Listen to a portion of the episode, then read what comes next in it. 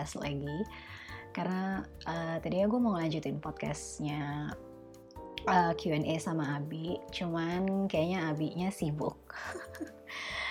Kayak uh, agak susah nih waktunya. Jadi oke okay, gue tunda aja dulu. Itu buat nanti aja menjelang uh, dua jejak terbit. By the way uh, soal dua jejak kalau kalian banyak yang dari kemarin nanya di gue kayak hampir setiap gue ngepost tentang tulisan atau apa pun di Instagram itu banyak banget yang suka nanya kayak kak kapan sih terbitnya? Terus kok kayak gue kok nyebarin spoiler spoiler doang terus gimana ya gue tuh nggak bisa jawab karena proses penerbitan tuh panjang banget. Dan gue baru selesai revisi kedua jadi biasanya prosesnya gue uh, ngasih draft naskah ke editor, terus editor edit, terus dia kayak punya poin-poin yang harus dibenerin.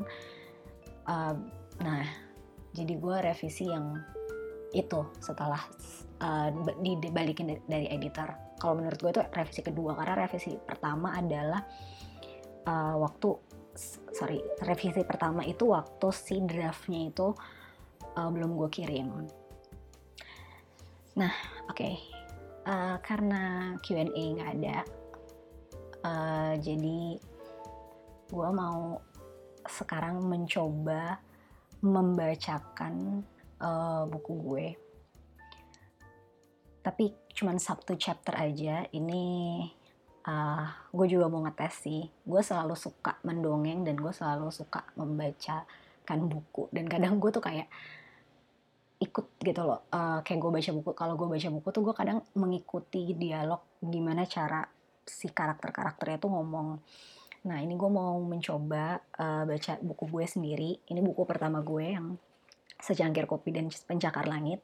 Dan chapter yang gue pilih adalah chapter nomor 21 ceritanya ini uh, Ataya itu lagi pergi ke Bandung sama temen-temennya ke nikahnya Fajar. Sebenarnya uh, secangkir kopi ini dulu pernah dibikin radio playnya, jadi sebenarnya kayaknya uh, orang udah kayak mungkin pernah denger uh, drama di radio playnya dulu di Motion. Cuman sebelum masuk satu ruang, kayaknya gue mau coba SKDPL dulu kali ya. Oke, okay, so here we go. Secangkir Kopi dan Pencakar Langit, chapter 21. Malamnya, cowok-cowok menunggu para cewek di lobi hotel.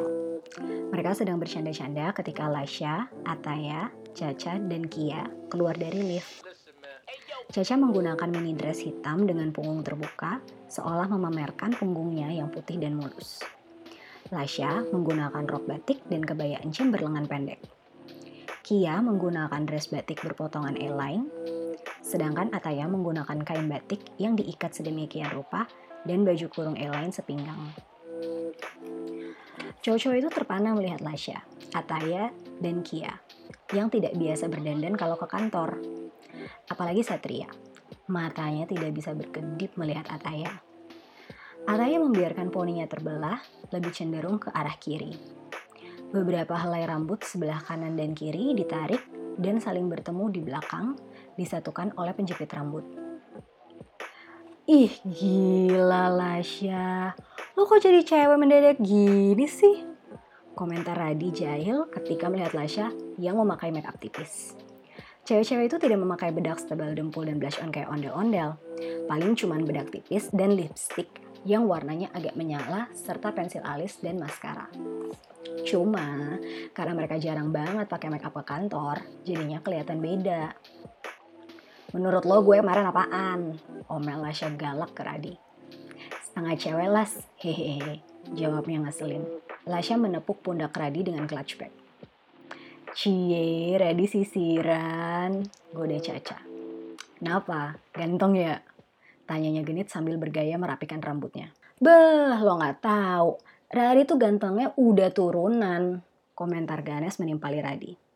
Yops, kalau tanjakan jelek lagi. Balas Radi disusul dengan gelak tawa teman-temannya. Ataya melirik ke, arah Gilman yang sedari tadi menatapnya dengan senyum kecil. Entah karena ia senyum-senyum karena ulah Radi dan Ganes atau karena hal lain. Ataya tidak sanggup menatapnya balik lama-lama. Ia terlalu malu. Ataya kemudian menangkap tatapan mata Satria yang sedari tadi tidak berkedip melihatnya. Ataya tersenyum malu. Satria tertawa kecil melihat Ataya yang tersenyum malu. Mereka bagaikan dua anak muda di bangku sekolah yang sedang jatuh cinta pada pandangan pertama. Di acara resepsi pernikahan, mereka semua berbaur dengan tamu-tamu yang juga merupakan teman kantor dan bertemu dengan Davintara dan istrinya. Ada Ami dengan pacarnya, Shakila yang datang berbarengan dengan Lena. Shakila hari itu menggunakan gaun malam panjang dengan belahan hingga ke paha. Memamerkan tungkai kaki yang jenjang dan mulus. Buset deh Shakila, gumam Ganesh ke Aldi. Beuh, dayung banget ya Nes. Dia mah emang-emang deh dari dulu, balas Aldi ke Ganes. Mata mereka masih terpaku pada kaki jenjang Shakila.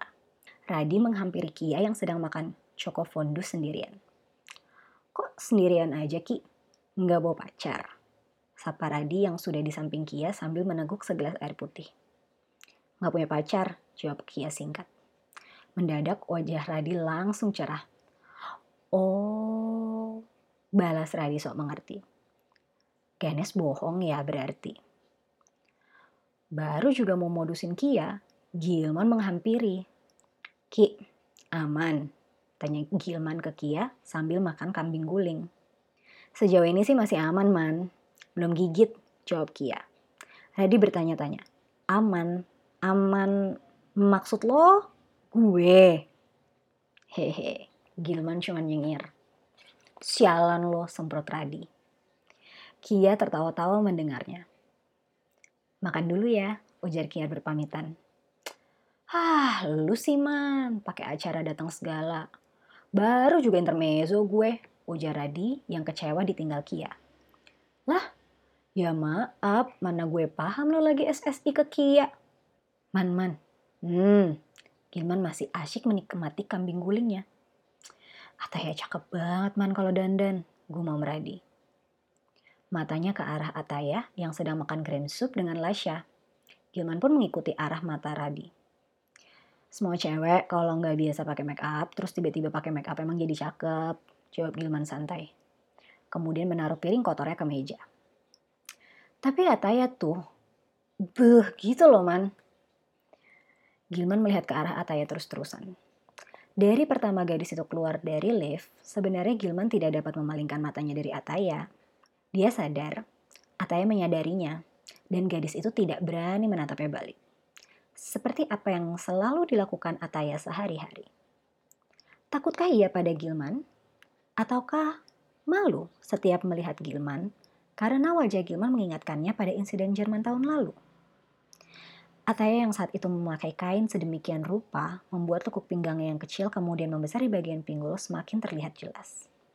Belum lagi sentuhan maskara yang membuat mata coklat terangnya semakin hidup. Dilihatnya Satria menghampiri Ataya. Gilman langsung memalingkan pandangannya ke arah lain.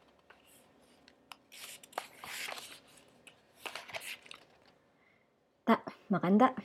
Ujar Satria menghampiri Ataya dengan seporsi nasi. Udah sat, jawab Ataya singkat. Salaman yuk, sekalian foto kita. Selfie aja, ajak Caca.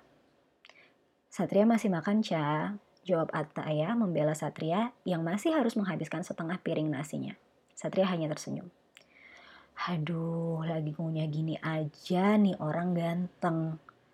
Ataya dan Caca sepikiran. Ya entar lah bisa teriak kelar makan. Kemudian Caca beranjak mencari air mineral. Ataya setengah berbisik ke Satria. Percaya nggak? Abis lo diputar di HR, cewek-cewek pada nanyain ke gue, minta liatin ke database aplikasi HR. Lo angkatan berapa? Shh, tapi jangan bilang ganes. Ntar gue digorok sama dia. Ataya menyamarkan nama Caca sebagai cewek-cewek. Satria tertawa menanggapi cerita Ataya dan berkata, Tapi gaji gue gak kelihatan kan? Loh, justru itu yang kita cari untuk mengukur lo husband material apa enggak. Ujar Ataya bercanda. Satria makin tertawa ngakak. Anjir, cewek-cewek sekarang ya, kalau nggak kode, kepo. Ujar Satria bercanda. Ataya ketawa-ketawa aja menanggapinya. Iya juga ya. Nggak kok, nggak kelihatan gajinya di sana, leralat Ataya. Alhamdulillah, ntar lo pada shock lagi liat gaji gue. 30 koma. Tanggal 30 udah koma. Komentar Satria yang memecahkan tawa Ataya. Satria kemudian menaruh piring kotornya ke meja dan beranjak mengambil minum. Sat, salaman sekalian foto yuk, ajak Aldi. Yuk, tadi Caca sama Atayo juga mau. Kumpulin lagi geng kita, balas Satria. Setelah berkumpul di, di pinggir panggung, mereka pun satu persatu menyelami Fajar. Mendadak pengelaminan jadi ramai sekali. Gimana Jar, ijab kabul? Lancar nggak? Nggak kayak video akad nikah apalah-apalah itu kan. Yang sahnya itu kayak panco, ujar Ganes setelah menyelami Fajar. Langsung Gilman, Ganes, Aldi, Satria, Davintara, dan Fajar tertawa bersamaan teringat video YouTube tersebut. Anjir, enggak lah, lancar-lancar alhamdulillah, jawab Fajar. Udah siap, Jar? Tanya Gilman nakal. Huf, Fajar enak banget bisa anak-anak duluan. Radi menimpali. Pelan-pelan aja, Jar. Awas salah lobang. Yang ini komentar senior yang udah berpengalaman. Davintara. Wah anjir. ini nih, nih saran-saran sesepuh begini. Ujar Aldi ketawa-ketawa mendengar kata-kata Davintara. Ngeri ya, saran-saran senior timpal Satria sambil tertawa-tawa. Eh selfie dong, selfie. Ajak Lasya menyiapkan kamera GoPro milik Satria. Man, lo pegang dong, tangan lo kan panjang. Suruhnya pada Gilman. Kemudian mereka selfie beramai-ramai. Menyalami Fajar dan istrinya lagi, kemudian turun dari pelaminan. Mereka berfoto lagi beramai-ramai di bawah pelaminan. Ada cewek-cewek sendiri, ada cowok-cowok aja, ada yang versi lengkap. Kemudian satu persatu mereka upload ke pet. Tidak lama ada panggilan berfoto serius dengan teman-teman kantor. Mereka naik lagi dan berfoto dengan benar lalu pulang. Ketika berjalan ke arah mobil, Satria yang berjalan beriringan dengan Ataya mengucapkan sesuatu dengan pelan. Boleh jujur nggak? Tapi lo jangan jadi canggung ya. Apa? Mendadak Ataya jadi deg-degan. Lo cantik banget deh tak pakai kain kayak gitu. Ujar Satria pelan setengah berbisik ke telinga Ataya dengan tulus. Kata-kata Satria membaur dengan dinginnya Bandung di malam hari dan suara tetesan gerimis sisa hujan tadi yang berjatuhan dari pepohonan. Ataya tersipu malu. Dalam dirinya terasa seperti ada kupu-kupu yang berterbangan. Kemudian gadis itu tersenyum kecil dan membalas, Makasih. Di belakang, Gilman memperhatikan pemandangan itu. Dilihatnya Satria yang mendekatkan wajahnya ke Ataya untuk berbisik. Entah kenapa, hatinya jadi resah. Ada gemuruh dalam dadanya meski yang terdengar di telinganya hanyalah rintik-rintik hujan yang jatuh dari pepohonan dan suara-suara sepatu yang menginjak becekan.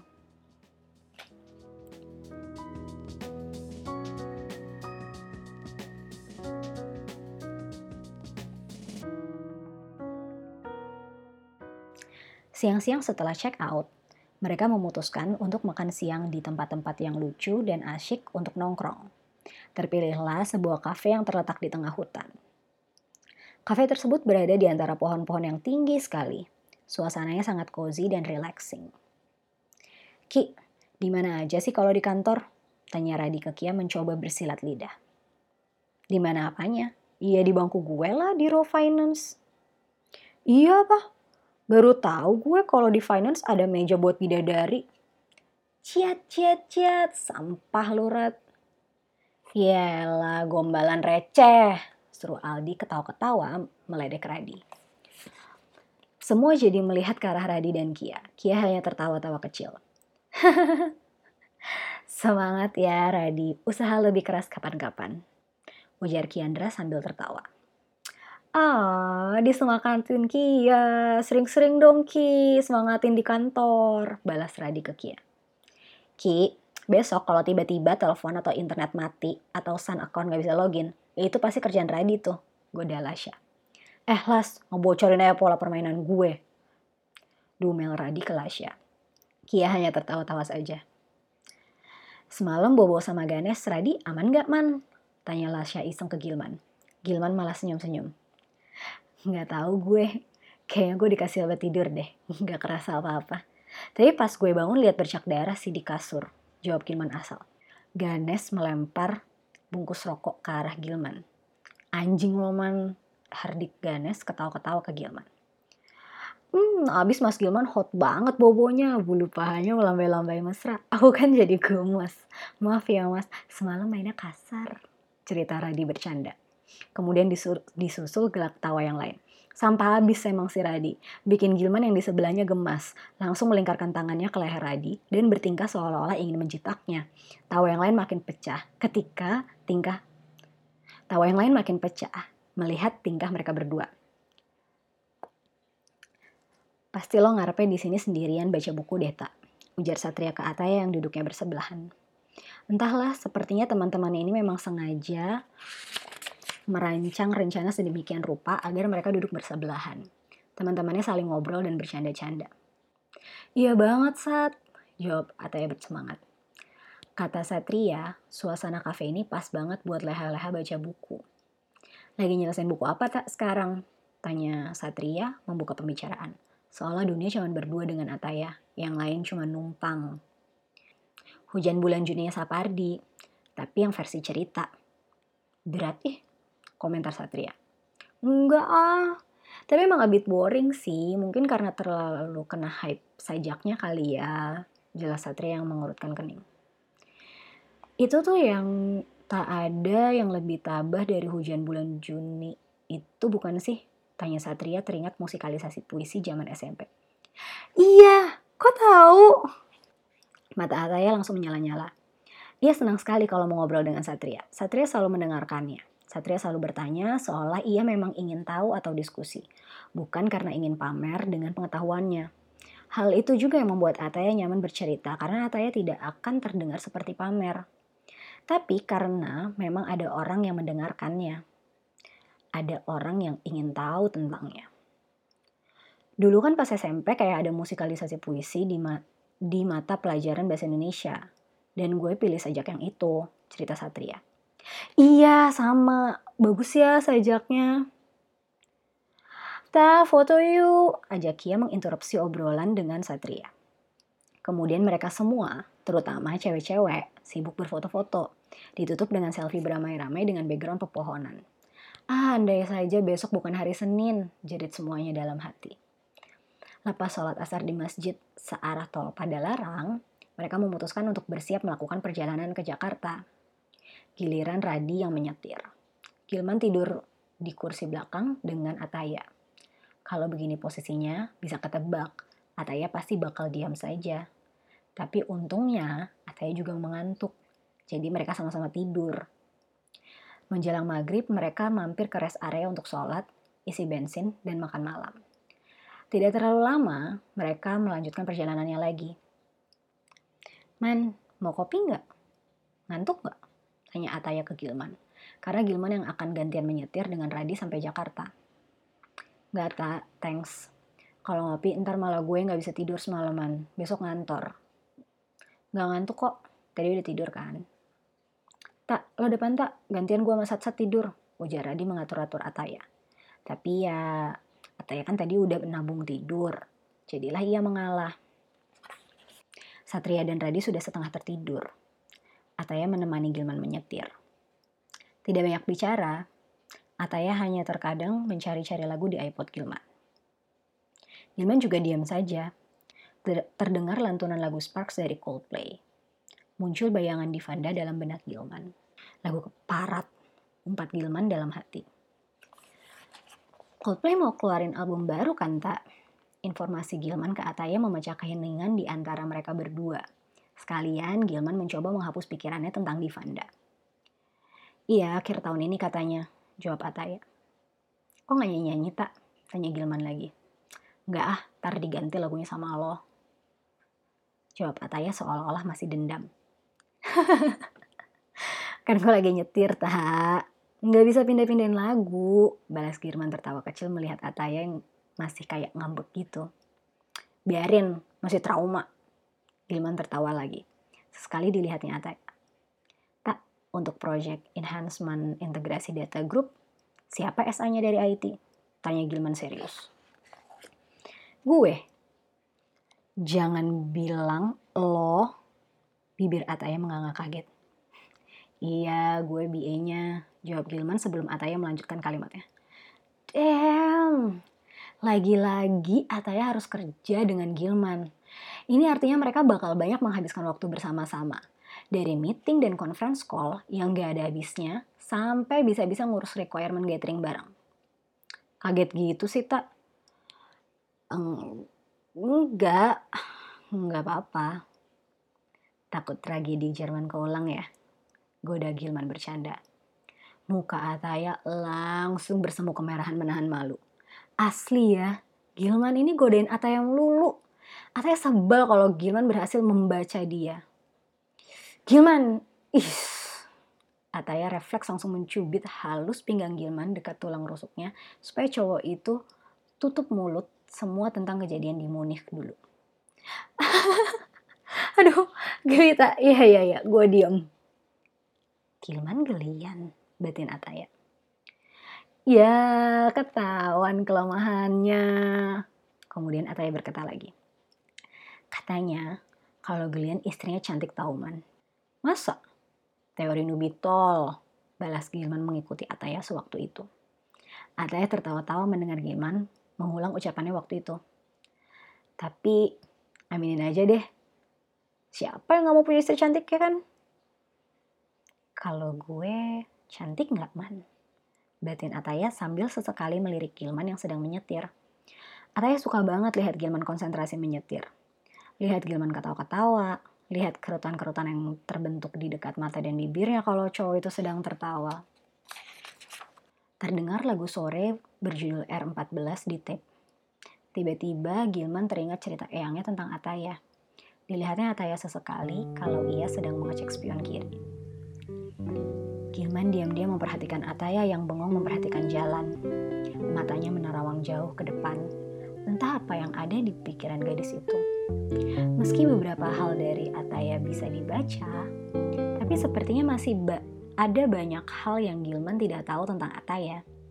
Ataya seperti buku yang terbuka, dapat dibaca dengan mudah oleh siapa pun. Tapi di satu sisi, ia juga menyimpan sesuatu. Sesuatu yang disembunyikannya dengan rapi dan begitu dalam hingga tidak ada yang tahu bahwa ia membunyikan sesuatu. Gantian Gilman yang iseng mencolek tengkuk Ataya. Mendadak Ataya kaget dan merasa geli. Gilman, geli tahu. Dumel Ataya pada Gilman yang sedang tertawa melihatnya. Gantian, satu sama. Jawab cowok itu. Katanya kalau gelian, suaminya ganteng tak? Ujar Gilman mengikuti kata-kata Ataya sebelumnya. Ataya tertawa mendengarnya. Sebal di copy paste sama Gilman. ikutin aja katanya teori Nubitol. Hmm, Satria ganteng tak? Ujar Gilman pelan setelah melirik dari kaca spion atas memastikan Satria dan Radi masih tidur. Ataya merasa wajahnya panas. Untung gelap, nggak kelihatan kalau Ataya ini lagi blushing. Apa sih, Man? Jawab Ataya menampik ucapan Gilman. Gilman tertawa gemas mendengar Ataya yang malu. Kemudian hening. Gue ganteng juga gak tak? Tanya Gilman pelan setengah bercanda. Eh, Ataya tiba-tiba deg-degan gak karuan mendengar pertanyaan Gilman. Maksudnya apa? Lagi-lagi ringtone Take to Anyone mendadak terdengar lagi. Tak, tolong loudspeakerin dong.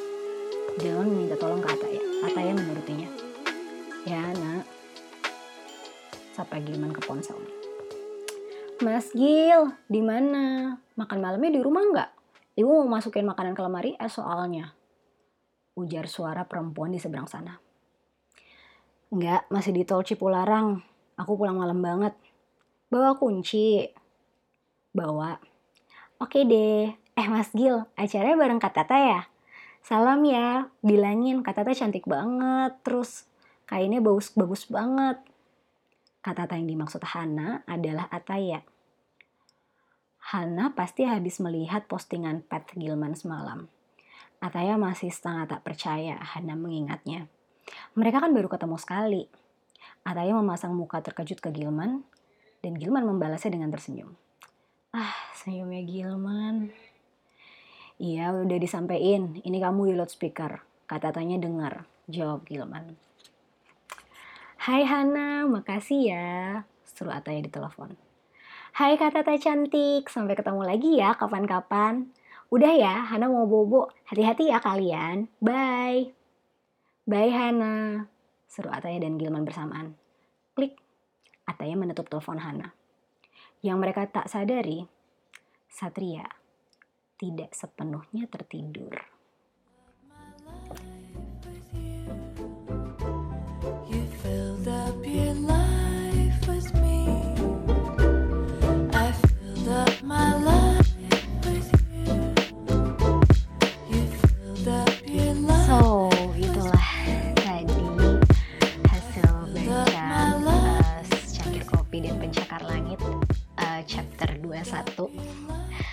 sorry banget kalau masih banyak yang kurang dan kadang ngomongnya belepetan. Terus kayak nggak bisa gonta-ganti vibe uh, tiap karakternya. Jadi kalau misalnya dialognya nggak ada narasi di depannya kadang suka ngebingungin. Karena uh, susah juga ya ngebeda-bedain antara sekian banyak karakter karena tadi kan ada karakter Lasha, ada Radi, ada Gilman, ada Ganes, ada Aldi, ada Ataya, sampai ada adanya Gilman Hana. Uh, bahan perbaikan tuh ke depannya kalau mau bikin uh, podcast tema storytelling. Tadi juga sorry banget di awal belum bilang ya kayak out of the blue aja gitu kayak langsung mulai. Jadi uh, buat yang kayak baru dengerin telat yang ngomongnya tapi ya better late than never lah uh, buat yang baru dengerin dan belum baca secangkir kopi chapter 21 itu kan ceritanya uh, Ataya sama teman-teman kantornya ini ke Bandung karena teman kantornya namanya Fajar nih uh, nikahan di Bandung. Terus uh, jadi background awalnya ini adalah ini cerita tentang percintaan di seputar kantor tentang Ataya, Satria dan Gilman. Jadi kayak Satria ini anak baru, terus dia kayak ngeliat Ataya, terus dia kayak suka lah sama si cewek ini, si Ataya ini. Tapi si Ataya ini sukanya sama Gilman, which is, which is. Jadi dia suka sama Gilman, udah dari kayak dari kayak lam, nggak lama-lama iya kayak lama gitu sih udah dari lama dia suka sama Gilman karena Gilman tuh tipikal yang karismatik gitu loh. Sedangkan si padahal nih Satria nih kayak tipikal yang kayak cowok-cowok lucu gitu mukanya. Cuman kayaknya Ataya karena terlalu ngelihatnya ke Gilman banget jadi dia kayak nggak ngelihat ke Satria. Jadi kayak ya dia tahu Satria menarik cute. Cuman kayak yang ah udahlah he's out of my league jadi dia sebenarnya lebih suka sama Gilman yang mana waktu itu Gilman masih punya pacar. Nah di chapter ini nih dibahas gimana uh, Gilman waktu dengerin Coldplay yang Sparks terus dia keingatan sama mantan pacarnya namanya Divanda. Tapi mereka udah putus sebenarnya. Jadi Gilman nih kayak udah putus tapi kayak masih galau-galau gimana gitu. Terus di chapter ini dia mulai kayak ngelihat Ataya. Karena kayak oh ya Ataya ini ternyata menarik gitu. Terus sebelumnya juga ada bahas insiden Jerman uh, itu dulu waktu mereka. Jadi Ataya sama Gilman sama Lasya pernah ke Jerman bareng urusan kantor. Terus mereka main truth or dare. Terus ya ada sesuatu lah terjadi uh, sesuatu yang keceplosan gitu di Jerman. Makanya Ataya tuh ke Gilman tuh agak-agak agak-agak apa ya kadang suka kayak awkward gitu loh karena dia malu. Terus um, ada juga menyinggung kenapa oh ya Gilman tuh sempet yang kayak agak kebawa perasaan waktu denger lagunya sore yang R14 atau Ria. Uh, karena itu kan cerita tentang cewek yang ya apa ya kayak berusaha fight for life gitu. Jadi dia kayak uh, kenal keluarga Gilman ternyata kenal sama keluarga Ataya. Uh, bukan secara saudara. Pokoknya ya tahu-tahu kenal lah gitu. Nggak tahu-tahu sih sebenarnya. Pokoknya sebenarnya mereka kenal ada ada ada hubungan kerabat gitulah. Nah, jadi Gilman tuh kayak tahu gitu loh backgroundnya Ataya kenapa, gimana gitu-gitu. Lebih tahu dibandingin teman-teman yang lain termasuk Satria yang posisinya saat ini dia tuh emang lagi deketin Ataya dan dia lagi modus banget gitu loh sama Ataya. Gitu. Terus oh ya, sorry banget. Gue tuh pingin banget nyelipin lagunya di sini karena di SKDPL ini waktu gue nulis tuh kayak banyak banget lagu yang diselipin karena lagu-lagu itu inspired buat gue nulis cerita ini. Cuman kayaknya kalau di podcast nggak bisa gue masukin, takutnya kena copyright, terus nanti ya urusan kena urusan yang kayak postingannya di take out apa segala macem gitu lah. Jadi ya sorry banget padahal kayaknya asik banget ya kalau bisa pakai background lagu kayak gitu. Gitu. Ya, kayaknya sekian dulu podcast storytellingnya. Nanti kapan-kapan kita baca-baca lagi. Nanti gue cari chapter-chapter yang kayaknya asik buat dibaca.